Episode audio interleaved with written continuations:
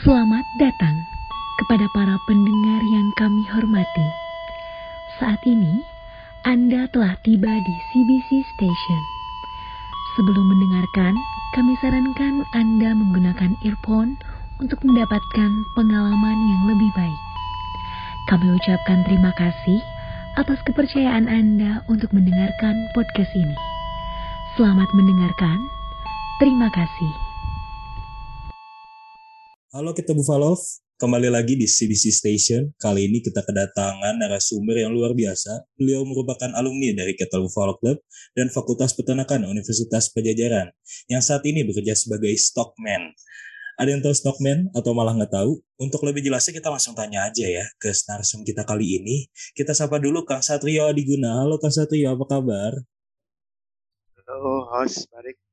Kabar saya baik, Alhamdulillah. Gimana, baik sendiri? Alhamdulillah saya juga baik Kang. Gimana nih kesibukannya? Lagi sibuk kah? Apalagi free saat ini? Kalau untuk pekerjaan saya kebetulan lagi free. Tapi untuk aktivitas ya ada kesibukan ini itulah. Oh iya. Um, untuk teman-teman, saat ini Kang Satrio ini posisinya sebagai stockman ya di suatu perusahaan di ekspor dan impor ya Kang ya.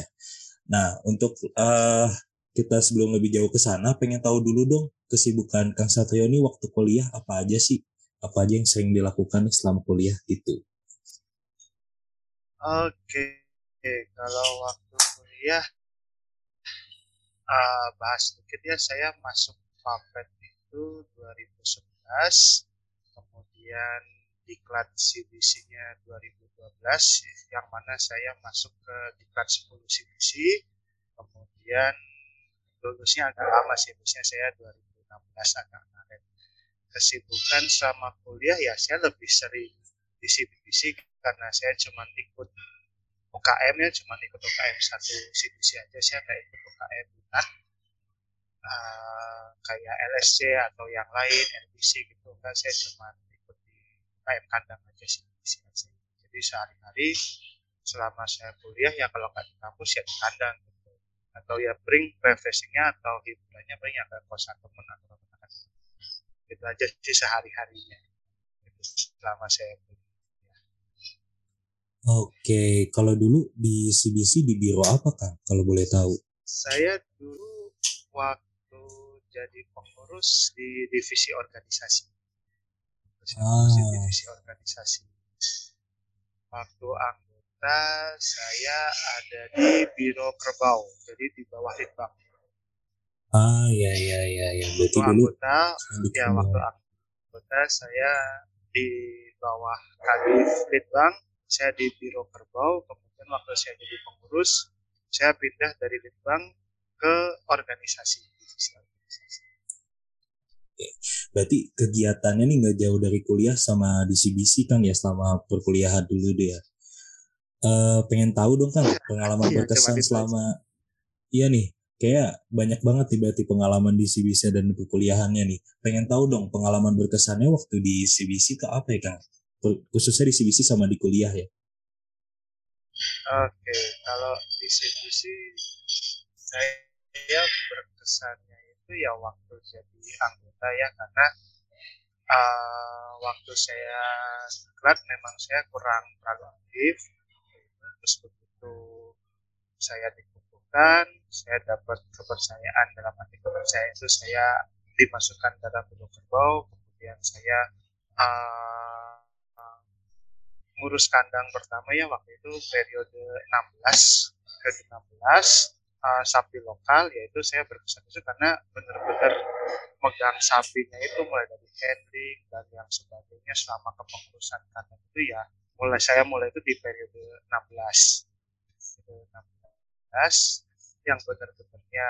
Sebelumnya juga 16 atau 17 ya lupa tapi sebelumnya waktu CBC belum pindah ke kandang atas saya kan diklat di kandang bawah di kandang lama. Itu juga saya ikut periode ada periode perubahan juga saat itu tapi nggak maksimal. Jadi yang berkesannya ya waktu megang sapinya itu di periode awalnya periode 16 atau 17 saya lupa. Kemudian berangsur sampai ke saya naik jadi pengurus kemudian ngurus tibat itu itu ngurus ASN ya kegiatan-kegiatan gitu ya kalau untuk kuliah saya kuliah flat flat aja sih nggak ada. Gimana gimana saya nggak ada ikut BEM atau apa atau eksklusif ya. Kalau kuliah saya cuma kuliah aja. Lebih nah, ke berarti, sih sama saya ya berarti sibuk banget dulu di CBC ya uh, berarti pengalaman berkesannya tuh waktu di kandang ya Kang ya um, kira-kira nih Kang selama di CBC kan banyak nih berarti yang uh, berkesan gitu ya buat Akang. Nah kita juga mau tahu dong kan saat ini Akang udah bekerja langsung nih di bidang peternakan. Kira-kira waktu di CBC itu dapat manfaat apa aja sih yang kira-kira kerasa sekarang gitu di dunia pekerjaan khususnya? Kalau yang benar-benar kerasanya itu karena saya pegang sapinya langsung ya. Jadi uh, mungkin handlingnya beda, tapi lebih ke gimana kita apa ya kayak kita nggak nggak takut gitu sama sapinya langsung sama hewannya langsung. Jadi kita nggak nervous kita nggak takut karena memang kita dari dulu ketemu langsung sama sapinya gitu. Kan kalau sapi lokal ada talinya kan tapi seenggaknya kan kalau sapi BX walaupun nggak ada talinya walaupun dia lepas tapi kan dia liar gitu. seenggaknya kita nggak nervous gitu karena kita pernah uh, di sampingnya langsung di samping sapinya langsung gitu. walaupun saya itu sapi lokal sekarang sapi PX tapi tetap sama kan hewannya tetap sama sapi tinggal nanti gimana kita uh, memposisikan aja dalam memposisikan PX kan beda sama sapi lokal tapi secara uh, naluri kan sama sama sama sapi jadi gimana kita bisa memposisikan diri kita untuk tidak nervous tidak takut atau tidak yang paling kerasa. Uh, berarti uh, pengalaman di kandangnya ya Kang ya yang paling punya impact besar kayaknya ya.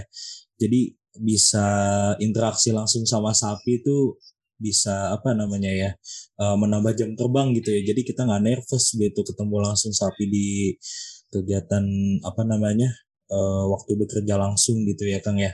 Oke okay ya, nih. Ya tadi kan kita udah bahas pengalaman waktu kuliah, terus uh, manfaat langsungnya nih waktu berkegiatan di CBC. Nah, pengen tahu nih Kang, uh, awalnya sebelum jadi stockman tuh awalnya jadi apa dulu sih? Dengar-dengar jadi barista ya Kang ya? Ya, oke. Okay, jadi memang dulu saya uh, di kedai kopi sama teman saya sesama Vapet 11 itu saya mulai Februari 2017 ya Februari 2017 kebetulan dia ada kedai kecil itu terus kan dekat rumah saya. Terus kebetulan uh, saya mampir terus dia ngajak lagi sibuk nggak? Gitu. Nggak udah ya uh, sini aja gitu. Uh, bareng-bareng di sini. Oh udah terus saya sempat belajar tentang kopi ya mungkin karena durasinya nggak lama jadi ya nggak apa ya nggak nggak maksimal juga gitu. Itu cuma cuma apa cuma uh, jadi pelapis dalam arti gitu. Dia yang utamanya dia yang utamanya saya yang membantu tapi dia juga ngasih kesempatan saya untuk coba dalam arti coba bikin coba untuk uh, serving itu waktu awal pas di dunia kopi dan nanti waktu saya jadi kira-kira nih kalau untuk uh, sampai ke stockman-nya nih Kang untuk di apa namanya di dunia peternakannya nih prosesnya seperti apa Kang ya? Kok bisa sih sampai sekarang tuh bisa di posisi stockman gitu? Awalnya dari mana tuh Kang? Oke. Okay. Oke, okay. kalau awalnya saya kerja di perusahaan yang sama dengan sekarang ID International Livestock Export. Dulu waktu saya masih di barista, saya ditawarin sama alumni CPC juga 2010 39 Kang Irianto jadi dia nawarin mau nggak uh, ada lowongan di ID gitu. Oh yaudah kirim CV aja kalau mau. Terus saya kirim CV kemudian uh, proses interview proses training di ID lalu saya akhirnya diterima sebagai employee sebagai pegawai itu Oktober 2017 Oktober 2017 sampai tiga tahun 2020 Oktober 2020. Nah, waktu Agustus waktu Agustus itu saya coba tanya ke kantor ke kantor yang di Indonesia. Saya tanya ada nggak kesempatan untuk saya berkarir tapi di Australia. Kemudian sama manajer Indonya manajer country manager Indo coba disondingkan ke pusat ke Australia.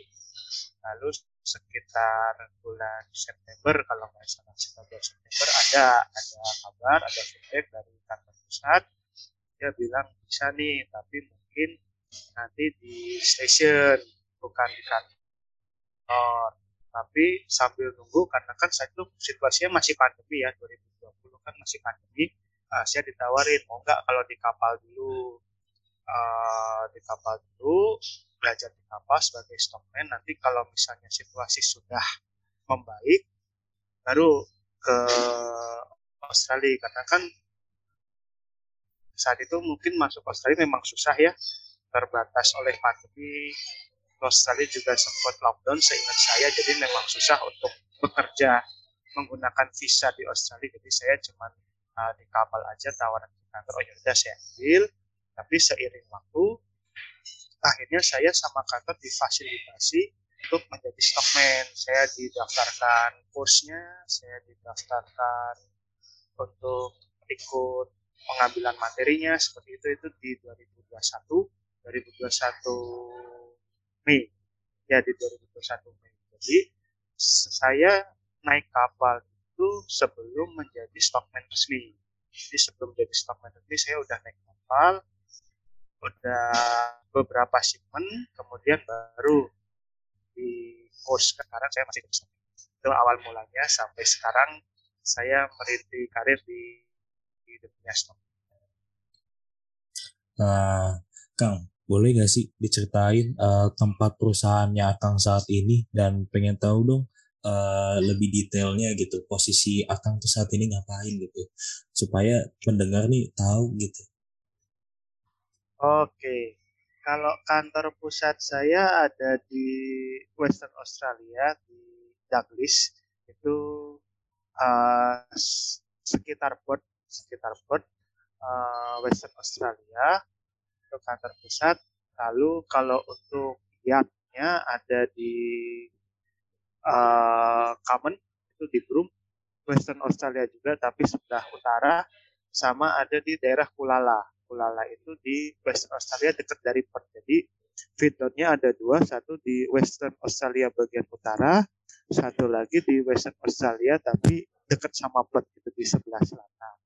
Kemudian kalau aktivitas uh, saat saya lagi nggak join ya saat saya lagi di barat ya paling ya aktivitas biasa aja karena saya juga tidak ada uh, pekerjaan khusus dari kantor sama saya off. Dalam arti khusus itu saya harus bekerja ke kantor atau gimana dalam arti mengerjakan back office dokumen atau apa gitu enggak itu pilihan aja ke saya. Kalau misalnya lagi ada discharge atau bongkar pilihan saya bisa datang bantu atau enggak itu tidak diwajibkan tidak diwajibkan. Kalau mau bantu silahkan kalau enggak ya ya sudah karena memang itu bukan tugas kamu juga gitu intinya seperti itu.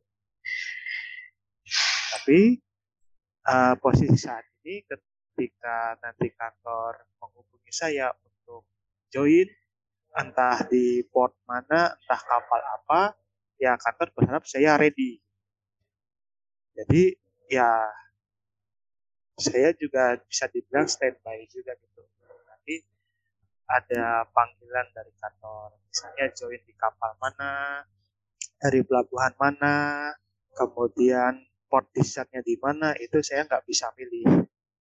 Berarti nggak bisa pilih, uh, misalnya diminta Satrio ke Darwin terus saya bilang ah enggak ah, saya nggak mau ke Darwin saya mau ke sini aja. Oh itu nggak bisa. Jadi bisa dibilang memang harus standby ketika kantor minta Satrio tanggal segini ke sini. Paling negonya bisa atau enggak gitu. bisanya bukan bisa mau atau enggak gitu. Bisanya apakah saya sedang uh, ada kegiatan lain atau enggak gitu. tapi saya pribadi ber, berpikir ya saya ber, ber, saya berpikir kalau kantor minta ya saya harus ready karena saya kan bekerja. Ah iya iya. Mau iya. di mana pun, port mana pun, selama saya ready ya saya harus bilang ready gitu nggak ada nego nggak ada nego berapa lama atau apa-apanya gitu. kalau menurut saya ah ya uh, boleh nggak sih kang diceritain lebih detail lagi kalau stockman tuh posisinya ngapain dan uh, fokusnya tuh untuk apa gitu kang oke okay. oke jadi sebelumnya saya kasih tahu dulu apa itu stockman jadi stockman itu adalah orang yang telah ter terakreditasi dari LifeHop dari Australian Export Corporation uh, sebagai orang yang akan memanage ternak yang diekspor dari Australia ke negara tujuan melalui laut. Itu stockman.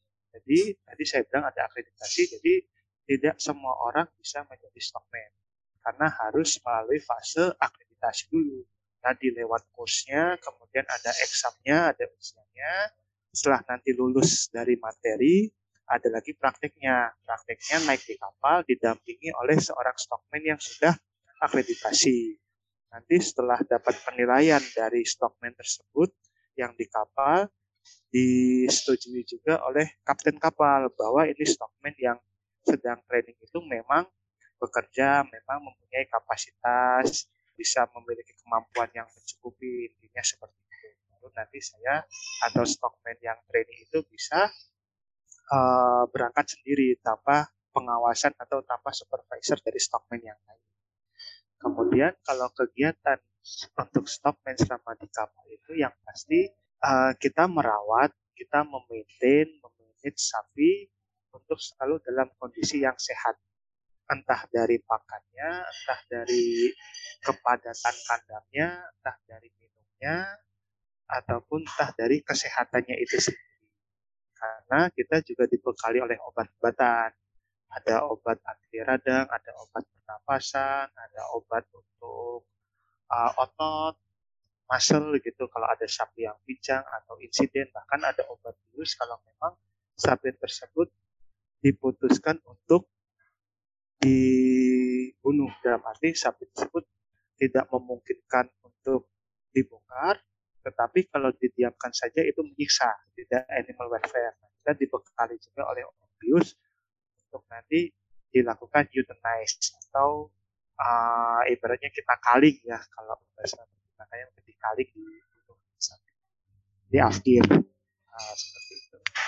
Itu kegiatannya sampai nanti dari loading selama perjalanan dan discharge atau bongkar uh, kan berarti Akang nih uh, di kapal terus ya merawat sapi, memaintain sapi. Kira-kira apa sih yang paling diperhatikan gitu Kang? Maksudnya kan mungkin kan selama ini kalau saya ya merasakannya di jalur darat aja nih. Kalau di kapal tuh kira-kira apa sih yang menjadi fokusnya gitu? Yang menjadi kekhawatirannya gitu. Khususnya untuk, untuk si sapi-sapinya. Kalau untuk kekhawatiran ya sapi itu sendiri. Jadi gimana kita bisa menjaga, merawat sapi itu tetap selalu dalam keadaan sehat. Jadi kekhawatiran saya yang ke sapinya itu sendiri tadi. Makanya begitu kita lihat setelah loading nih, setelah loading kemudian kan masuk ke kapal, kita bisa lihat pertama dari kepadatan kandangnya. Oh misalnya ini pen ini nih terlalu padat, pen satunya agak longgar nih, kita bisa transfer, kita bisa transfer untuk uh, menyebarkan. Jadi satu pen tidak ada yang terlalu padat. Kemudian uh, ke kesehatannya seperti pernafasan karena kan kalau pernafasan bisa dibilang uh, silent killer ya jadi tiba-tiba nanti dia mati karena saya pernah ada pengalaman juga yang tiba-tiba mati seperti itu kemudian dari kaki juga dari otot-otot karena kadang ada sapi juga yang pincang atau luka sedangkan nanti kalau misalnya dia luka terus kena feses kena kotoran nanti ada infeksi jadi penyakit sekunder itu juga kan uh, bisa uh, apa ya bisa mengganggu aktivitas si sapi tersebut. Jadi kekhawatirannya ya ke si sapi itu. Jadi gimana kita sebagai kami, maaf gimana kami sebagai sapi itu bisa um, menjaga kondisi sapinya termasuk ke berat badan sapi itu sendiri karena ada sapi yang dibongkar dan dibayar berdasarkan berat badan, ada juga yang berdasarkan head atau ekoran. Jadi intinya jangan sampai sapi itu mati, jangan sampai sapi itu cedera jangan sampai sapi itu uh, apa ya kayak tidak mendapatkan kaidah animal welfare dia merasa kelaparan merasa ketakutan merasa tidak nyaman tidak bisa mengekspresikan sebagai dirinya sendiri biasanya berapa lama tuh kang kalau lagi di kandang gitu selama pengiriman untuk pengiriman itu gimana? Ada beberapa faktor untuk apa ya? Ada beberapa faktor yang ter, faktor terkait maaf, ada beberapa faktor terkait mengenai durasi pengiriman, durasi shipment. Pertama itu posisi atau letak loading port, port tempat muat, kemudian uh, discharge port, portnya ada di mana untuk bongkar, jenis kapalnya itu sendiri, ya itu tiga itu tiga itu yang paling utama. Jadi sebagai contoh gini, kalau saya uh, loadingnya di Darwin di Northern Territory saya bawa ke Jakarta dengan saya bawa ke Medan Belawan Pelabuhan Belawan di Medan. Dengan kapal yang sama itu durasinya beda. Kenapa beda? Karena Medan lebih jauh. Tuh. tapi ada juga saya loading portnya misalnya di Broome tadi yang saya sebut di Western Australia sebelah utara. Di portnya di Lampung. Itu paling tiga hari empat hari bisa sampai. Dan kapal pun juga pengaruh seperti gini. Saya pakai kapal A dengan uh, model yang seperti ini misalnya kapal kapal anggaplah kapal A gitu. Kapal A sama kapal B ada dua kapal yang berbeda. Kapal itu kan mesinnya juga beda kecepatannya juga beda. Jadi uh, loading dari Darwin ke Jakarta discharge di Jakarta maaf maksud saya jadi loading di Jakarta eh loading di Darwin sorry loading di Darwin discharge di Jakarta dengan kapal A dibandingkan dengan loading di Darwin discharge di Jakarta dengan kapal B bisa jadi durasinya beda.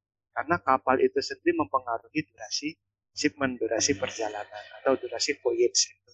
Jadi tiga faktor tersebut yang uh, utama untuk mempengaruhi durasi atau lama voyage atau shipment.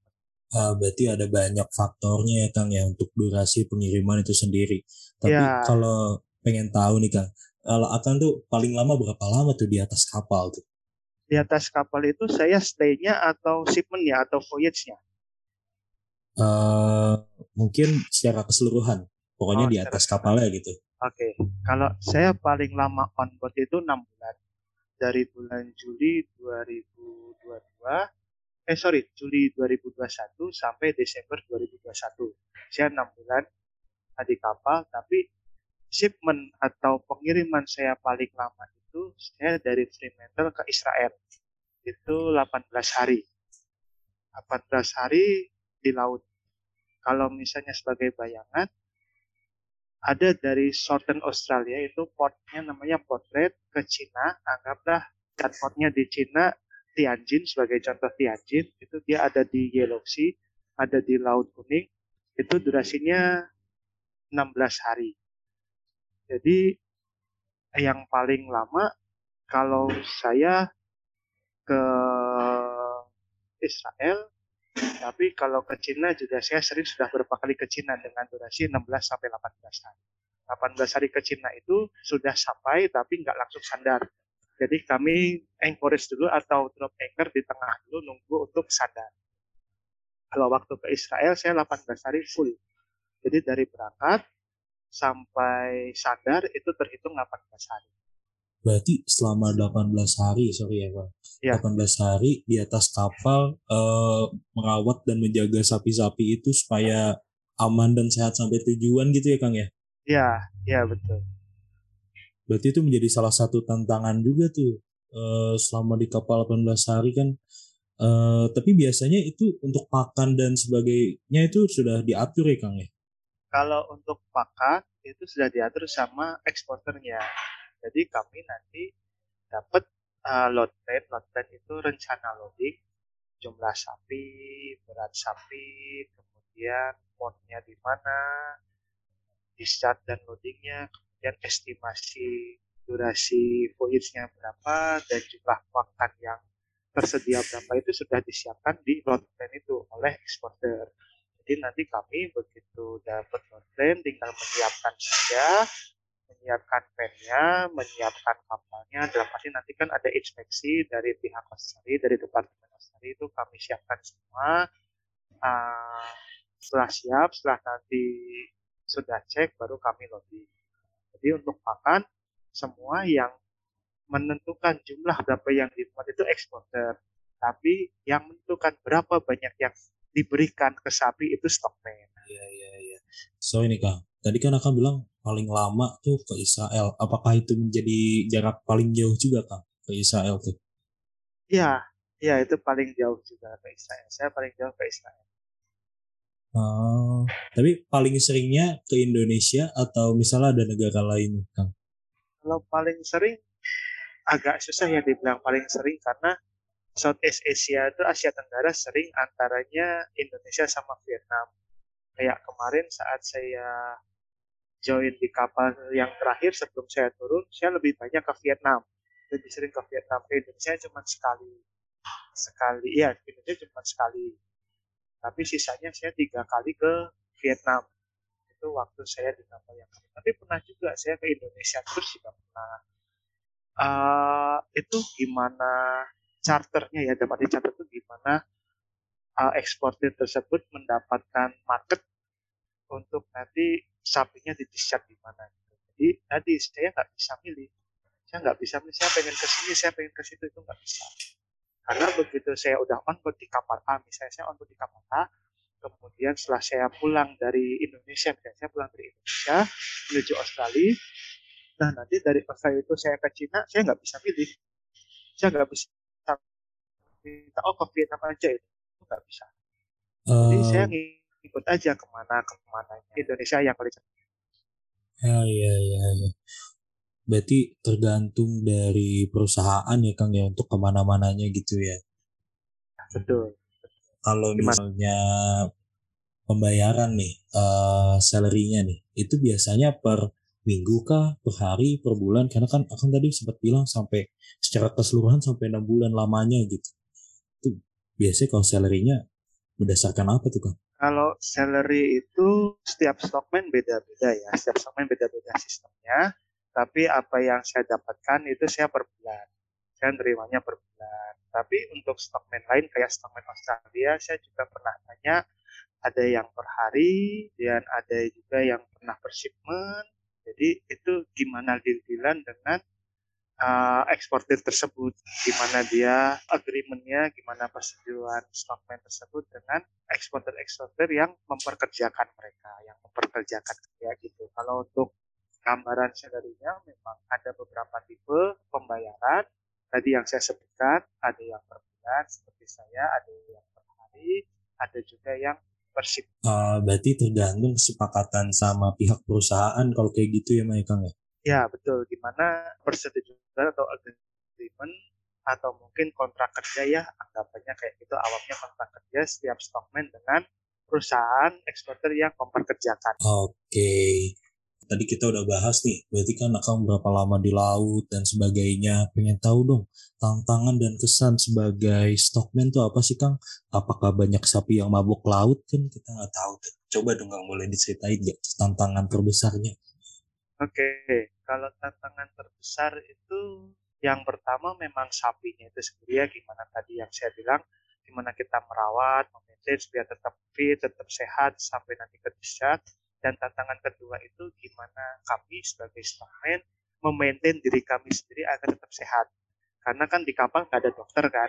Kalau misalnya kami sakit ya kami cuma bisa minum obat. Dalam arti kalau mau ketemu dokter ya harus off dulu di negara tujuan. Jadi gimana caranya biar kami tetap sehat, uh, meminimalisir cedera juga untuk kami, untuk kru-kru kapal, teman-teman kami yang merawat sapi. Jadi semuanya bisa berjalan maksimal ya sapinya maksimal ya yang di kapalnya stockman kru kapal juga yang membantu semuanya maksimal karena tadi ketika kami sakit ada insiden apa ya nggak ada dokter. Memang ada kru kapal yang dipercaya untuk megang obat-obatan. Jadi nanti misalnya kita ngeluh sakit apa sakit apa dia yang ngasih. Tapi kan basicnya mereka bukan jadi ketika nanti kita kalau kayak kesleo atau apa kan bisa kelihatan. Tapi kalau misalnya uh, kita alergi makan atau apa itu kan agak susah gitu. Nah, jadi ya kita memaintain bawa obat sendiri bawa obat pribadi terus kalau misalnya kita punya alergi atau kita punya pantangan terhadap makanan atau sesuatu kita laporin ke kru kapal jadi kita bisa memaintain diri kita untuk tetap sehat selama kita bekerja di kapal itu sih tantangan dua itu dari sapinya dan diri kami sendiri di kita sendiri. Oke, kira-kira ada nggak pengalaman berkesan selama di kapal gitu? Mabok laut gitu kan? atau misalnya dari awal udah kuat nih ternyata sama laut gitu apakah pernah ngadepin badai? Nah, coba ada uh, pesan ter yang paling berkesan tuh apa kan kalau selama di laut tuh kan kalau yang paling kalau uh, berkesan semua berkesan ya tapi kalau pengalaman mabuk laut saya ada satu yang benar-benar parah mabuk laut itu waktu saya ke China itu di laut Cina Selatan. Jadi kalau uh, balik lihat Google Map itu di antara Filipina dan Vietnam. Itu ada laut laut Cina Selatan di atas Pulau Luzon itu memang ombaknya memang luar biasa. Itu pertama kali saya ke Cina saat itu bulan Maret 2021 saya mabuk laut di situ. Itu benar-benar seharian saya nggak bisa apa-apa dan arti ya udah saya cuma ngegolet aja mau mau makan juga mual mau kerja juga nggak bisa. Dan ternyata memang lautnya parah jadi ada beberapa kru lain yang juga sama kayak saya mabuk laut juga. Karena memang kondisinya saat itu angin besar walaupun nggak ada badai ya tapi anginnya besar jadi ombaknya tinggi kapal berguncang-guncang jadi ya efeknya itu saya uh, kena mabuk laut kena sisik saat itu. Tapi setelah dari situ ya makin lama kan makin terbiasa ya alhamdulillah syukur tidak ada yang gimana-gimana kalau yang lainnya paling nggak ada sih ya semuanya berkesan tapi yang paling salah satu ya satu bukan yang paling tapi salah satu yang bisa saya share mengenai keadaan saya saat itu ya pas saya mampu itu memang kebetulan hmm. kaget mati kaget itu ya saya baru sekali ke arah utara, ke arah China, lewatin laut yang ganas ya dalam tanda kutip. Jadi ya KO di situ. Uh, bekal tolak angin gitu Kang tuh waktu Hah? di laut. Kalau saya pribadi ya, saya obat-obatan pribadi yang memang sering uh, kita pakai ya untuk masyarakat Indonesia pakai kayak tolak angin itu saya bawa, saya bawa obat sakit kepala juga, kemudian bawa vitamin juga, obat mabuk juga obat mabuk kayak Antimo gitu ya kalau kita sebut merek itu juga saya bawa karena tadi tidak ada dokter dan saya menjadi satu-satunya kru Indonesia di sana yang dengan budayanya ya beda sama budaya kru yang lain. Jadi mereka kan nggak tahu apa itu tolak angin, dia nggak tahu apa gitu. Jadi saya memperkirakan penyakit-penyakit apa nih yang kemungkinan ya, yang kemungkinan bisa terjadi itu saya antisipasi saya antisipasi ya saya bawa kayak antimo atau yang lain atau kayu putih saya bawa kayu putih. Karena tadi kalau saya sakit ya yang bisa menyembuhkan ya diri saya sendiri gitu. Karena saya yang tahu saya butuhnya apa. Jadi ya tadi banyak memang saya kadang bakal banyak obat-obatan. Seringnya nggak dipakai alhamdulillah. Tapi seenggaknya ketika saya butuh saya nggak bingung nyarinya ke mana emang obat lokal tuh emang yang paling mantep sih kan? Ya. terbaik emang. Itu kalau misalnya lagi badai gitu atau misalnya lagi ada ombak besar gitu kan itu sapinya mabuk juga nggak kang tuh? Apa biasa malah berisi apa gimana tuh? Oh enggak kalau kalau sapinya aman sih. Sapinya aman dapat aman tuh. Nggak ada saya malah nggak nggak pernah lihat ada sapi yang gimana gimana dari uh, faktor cuaca ya. Di faktor cuaca. Mau waktu itu saya ke Israel goyang kapalnya goyang kanan kiri juga sapinya settle settle aja tapi sapinya fine fine aja nggak ada masalah. Lebih kalau sapinya tuh lebih gimana mereka butuh waktu untuk adaptasi aja sih. Dan berarti kalau misalnya lautnya rough gitu ya lautnya kasar ombaknya tinggi ketika mereka udah adaptasi ya mereka makan tetap makan jadi kalau untuk sapi saya nggak nggak ada kekhawatiran khusus dari faktor cuaca. Itu saya nggak ada khawatir khusus dari faktor cuaca. Lebih ke faktor si sapinya itu sendiri. Karena tadi sapi nggak pengaruh sama cuaca kalau dia udah settle ya udah gitu aman tapi kalau dia belum settle dia belum dia belum apa ya dia belum dia masih liar gitu ya dia belum adaptasi mau lautnya rata kayak banjir pun mereka nggak mau makan mereka panik mereka ke sana ke sini lari ke sana ke sini jadi bisa dibilang sebenarnya cuaca bukan faktor utama yang mempengaruhi kondisi kalau pengalaman saya Oke, okay. tadi kita udah bahas gimana di kapal. Nah, mau tahu dong Kang, apa apalagi kan kemarin di Indonesia nih lagi ada PMK, terus ada COVID. Nah, mau tahu dong kondisi perdagangan sapi impor, sapi potong tuh lagi gimana sih kayak sekarang nih? Khususnya dari Akang di posisi stockman gitu ya. Apakah ada penurunan atau peningkatan? Oke, kalau itu saya nggak tahu secara jelas ya, karena uh, saya bukan importer, tapi waktu kasus PMK, uh, shipment tetap ada, karena tadi Australia kan dia bebas PMK, dia ngeluarin sapinya aman, tinggal mana yang mau nerima. Saat itu tadi mungkin pas kasus PMK saya banyak kelemparnya ke Vietnam, karena kan PMK-nya di Indonesia. Jadi Australia mungkin lebih memilih uh, atau bisa dibilang marketnya mungkin lebih banyak jadinya ke Vietnam. Terus waktu tadi tanya pas COVID, apa? Sorry tadi Iya, ya, pas, COVID. pas COVID. Uh, pas COVID. Kalau pas COVID, pas COVID saya dari bulan Juli ke Desember itu masuk Indonesia, seingat saya, saya cuma dua kali. Dua kali itu di bulan Oktober dan bulan Desember. Itu pas masa COVID. Sisanya saya ke Cina dua kali ke Vietnam beberapa kali. Jadi kalau untuk uh, market atau uh, demand mungkin ya bisa dibilang mungkin ya ini mungkin mungkin agak berkurang karena saya kelempar ke negara lain gitu, bukan ke Indonesia. Tapi untuk pastinya ini lebih ke ranahnya importer sih kan karena kan dia yang tahu gimana. Dalam arti mungkin dari pengaruh harga, pengaruh permintaan pasar atau yang lain karena saya nggak tahu. Karena kan saya cuman di suruh kantor ke sini ke sini ke sini gitu disuruh ekspornya ke negara ini bukan di sini bukan di sini gitu tapi memang uh, ada penurunan jumlah shipment ke Indonesia anggap intinya itu tapi faktornya apa saya nggak bisa bilang apakah karena PMK atau COVID. Tapi yang pasti memang saat saya di kapal, saya tidak terlalu sering ke Indonesia. Gitu. Oke. Okay. Uh, Kang, berarti mau tahu juga dong, kalau misalnya selama pengiriman tuh biasanya berapa ekor sih Kang sapi yang dikirim tuh? Itu kembali juga ke um, jumlah kapal, eh, sorry, uh, kapasitas kapal. Jadi setiap kapal itu kapasitasnya berbeda. Satu itu, kedua dari berat sapinya. Karena gini, kenapa saya bilang berat sapi? Semakin berat sapinya, semakin longgar densitasnya.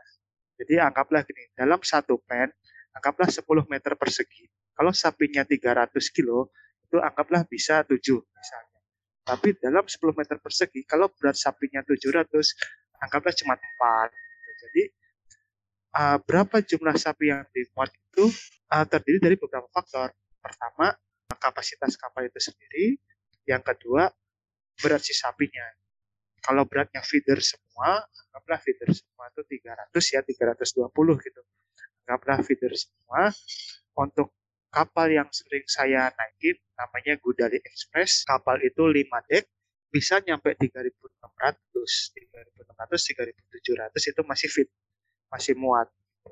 Tapi biasanya di kan ada yang sapi medium ada yang sapi heavy jadi totalnya nggak akan sampai 36 walaupun kapasitasnya bisa 3600 bisa 3700 paling nanti dia 3200 atau 3300 bahkan kalau waktu saya ke Cina uh, dengan kapal Gudali karena bawa sapinya semua slaughter itu hanya 1800 atau 1900 gitu saya lupa.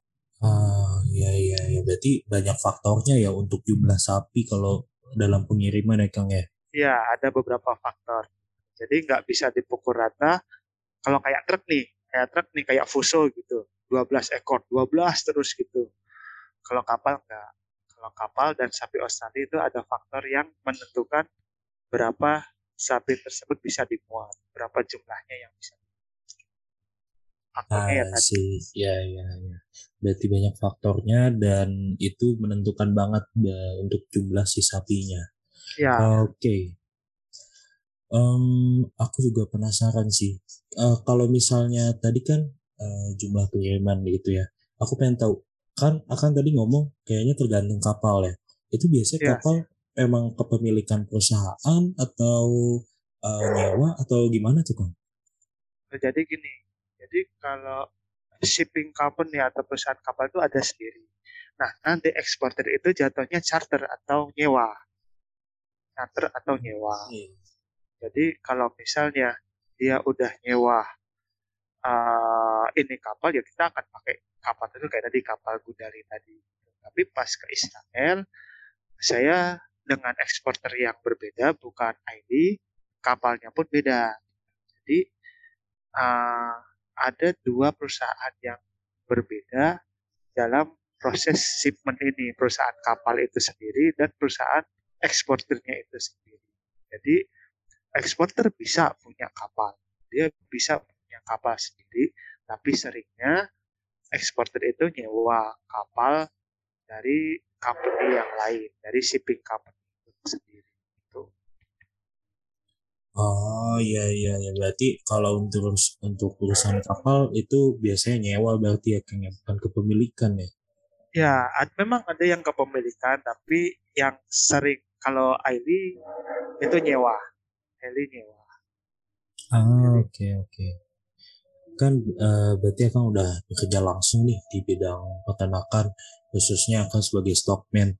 Uh, kan punya harapan gak sih untuk industri sapi potong di Indonesia gitu?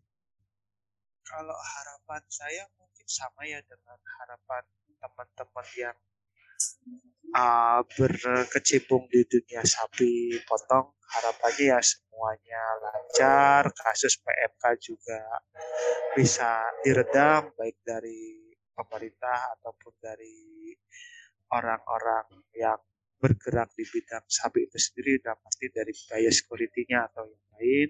Karena memang uh, pekerjaan saya kan bersentuhan langsung dengan market ya khususnya kalau di Indonesia gitu. Kalau misalnya marketnya kurang kan berarti tidak ada shipment ke Indonesia kalau untuk Australia sih nggak masalah berarti nggak masalah gini uh, Australia tidak kehilangan market menurut saya ya karena masih ada Vietnam atau negara lain yang mau menerima gitu tapi kalau Indonesia kan uh, suppliernya untuk sapi itu bisa dibilang baru Australia setahu saya sampai saat ini. Nah kalau misalnya Australia yang menutup pasar ke Indonesia, nah itu baru uh, jadi masalah gitu. Karena kan pasti saya bekerja untuk Australia. Uh, harapan saya tentu karena saya juga orang Indonesia, saya ingin negara saya, negara tempat saya tinggal itu semua bisnis sapi potongnya berjalan lancar seperti yang diharapkan. Tapi tanpa mengurangi rasa hormat, kalaupun misalnya memang terjadi apa-apa di Indonesia ya saya nggak pusing juga karena saya masih bisa kirim ke negara yang lain seperti itu jadi ya harapan saya tetap bidang sapi potong di Indonesia apalagi ada kasus PMK belakangan ini semoga kasusnya semakin reda semoga juga uh, supply demand-nya juga kembali normal baik dari harga maupun dari kuantitas uh, jumlah pemotongan ataupun jumlah sapi yang uh, diproduksi ataupun diimpor Oke, berarti terima kasih banget nih untuk untuk harapan Akang ke Indonesia khususnya ya ke depannya, mulai dari PMK dan supply demand-nya. Kang, kira-kira uh, aku pengen bisa sharing juga ke teman-teman yang dengerin nih khususnya kita Buffalo nih uh, untuk menjadi stockman itu kira-kira perlu apa aja sih Kang? Apa yang diperlukan untuk uh, bisa menjadi stockman? Boleh nggak Kang di sharing nih? Oke, yang pasti bahasa Inggris ya. Yang pasti bahasa Inggris karena gini, uh, ada kenalan saya juga yang memang bukan dari bidang peternakan bisa menjadi stockman. yang penting uh, bukan yang penting sorry menurut pandangan saya satu dia bisa bahasa Inggris dan kedua dia tahu bagaimana uh, memanage atau mengurus sapi.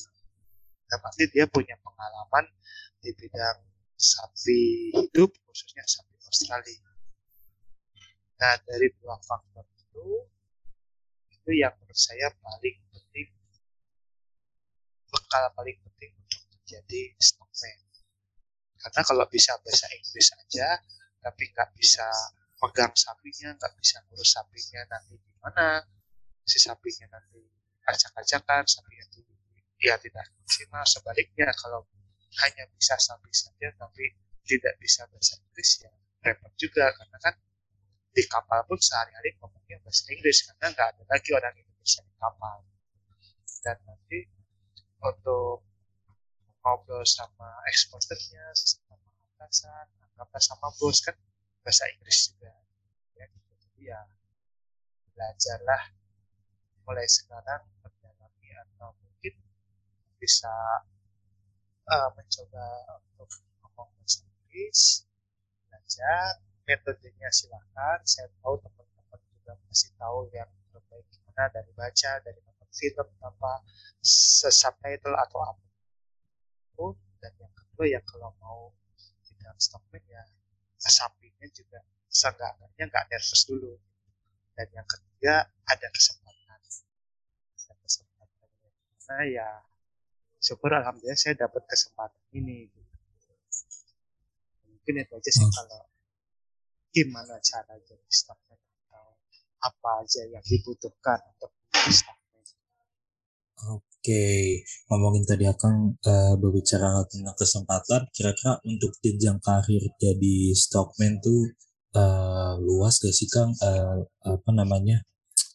Peluang kerjanya atau seperti apa gitu kalau menurut Akang jenjang karir untuk menjadi stockman? Kalau jenjang karir di bidang stockman itu menurut saya stuck lah. Jadi udah stockman ya stockman aja. Kecuali gini nanti dengan seiring waktu uh, semakin pengalaman, jam terbang makin tinggi, mungkin bisa uh, lebih sering lebih sering dipakai tapi lebih sering uh, ngawal sapinya gitu. lebih sering ngawal sapinya jenjang karirnya ya hanya stuck hanya stockman aja. Karena ya nggak ada manajer stockman atau misalnya apa supervisor stockman itu nggak ada. Jadi cuma stockman aja.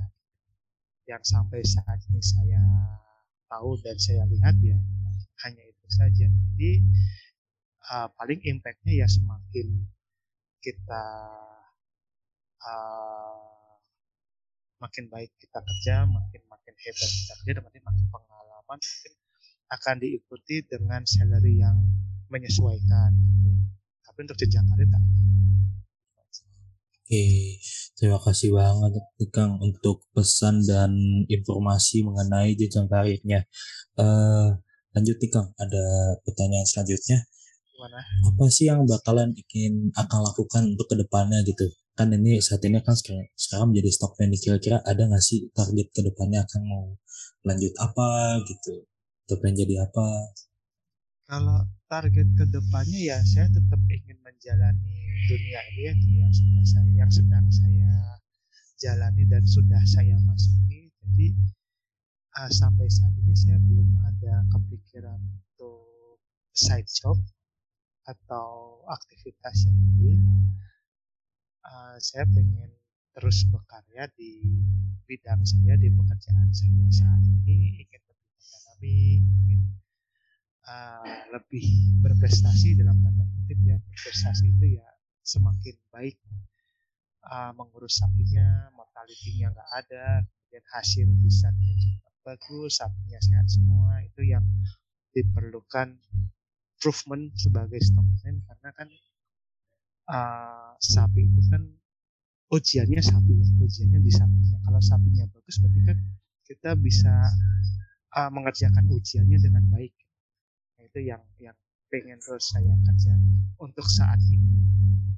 Untuk lima tahun ke depan 10 tahun ke depan saya belum tahu saya belum mikir jangka panjang tapi untuk saat ini saya pengen terus mendalami dulu apa yang sudah dan sedang saya kerjakan Oke, berarti Akang saat ini masih pengen fokus dan mendalami dulu ya apa yang saat ini Akang kerjakan gitu ya. Ya betul. Oke, mungkin ini salah satu jadi pertanyaan terakhir juga sih Kang.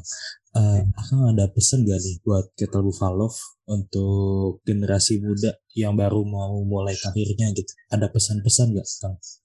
Uh, kalau pesan buat teman-teman Ketel Buffalo yang baru mau meniti karir, ya yang pertama siapkan diri ya. Dapat disiapkan diri itu uh, siapkan soft skill hard skillnya juga kemampuan berbicara kemudian uh, kemampuan untuk mengerjakan sesuatu yang ditargetkan arti untuk hard skillnya.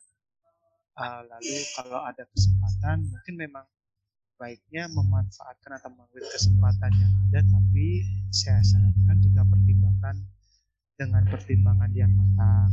Jangan semata-mata, oh ini ada kesempatan nih, diambil aja tanpa pertimbangan. Nanti takutnya merugikan satu atau dua pihak, merugikan diri sendiri atau orang lain. Jadi ya teman-teman juga harus pintar baca situasi, apakah ini cocok, kesempatan ini cocok untuk teman-teman, ataukah teman-teman harus mempertimbangkan kesempatan yang lain, itu juga sudah harus mulai diasah, karena uh, kesempatan kerja yang untuk saat ini saya mungkin agak sempit ya dengan kondisi yang saat ini tapi masih kondisi pandemi. Saya nggak tahu apakah sudah banyak job vacancy yang uh, dibuka karena memang saya sudah lama saya nggak lihat itu tapi intinya siapkan apa yang memang teman-teman persiapkan baik dari soft skill, hard skill dan diri kalian sendiri serta pintar-pintar melihat atau membaca kesempatan.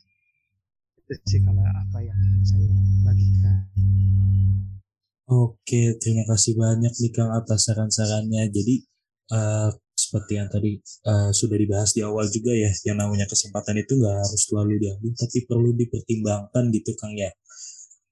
Jadi ya. Eh, nggak uh, asal ambil aja, kita harus pertimbangkan dulu kesempatan-kesempatan yang ada. Karena uh, bukan berarti nggak datang dua kali, tapi penting juga kita untuk uh, mempertimbangkan itu. Selain itu kita juga harus ya. uh, mempersiapkan diri juga mulai dari soft skill dan hard skillnya gitu ya Kang ya. Khususnya untuk ya, nanti langsung memulai karir dan terjun di dunia pekerjaan. Ya, Oke, kita udah masuk di penghujung uh, podcast pada kali ini. Sebelumnya berterima kasih banyak dulu nih kepada Kang Satrio karena sudah mau menyempatkan waktunya mungkin di sela-sela kesibukannya untuk bisa podcast bareng pada kesempatan kali ini. Untuk kita Buffalo, jangan lupa nanti uh, ditunggu di episode selanjutnya dan jangan lupa uh, untuk dengerin terus uh, podcast dari CBC Station. Terima kasih banyak. Um, sampai jumpa di lain kesempatan. Bye bye semuanya.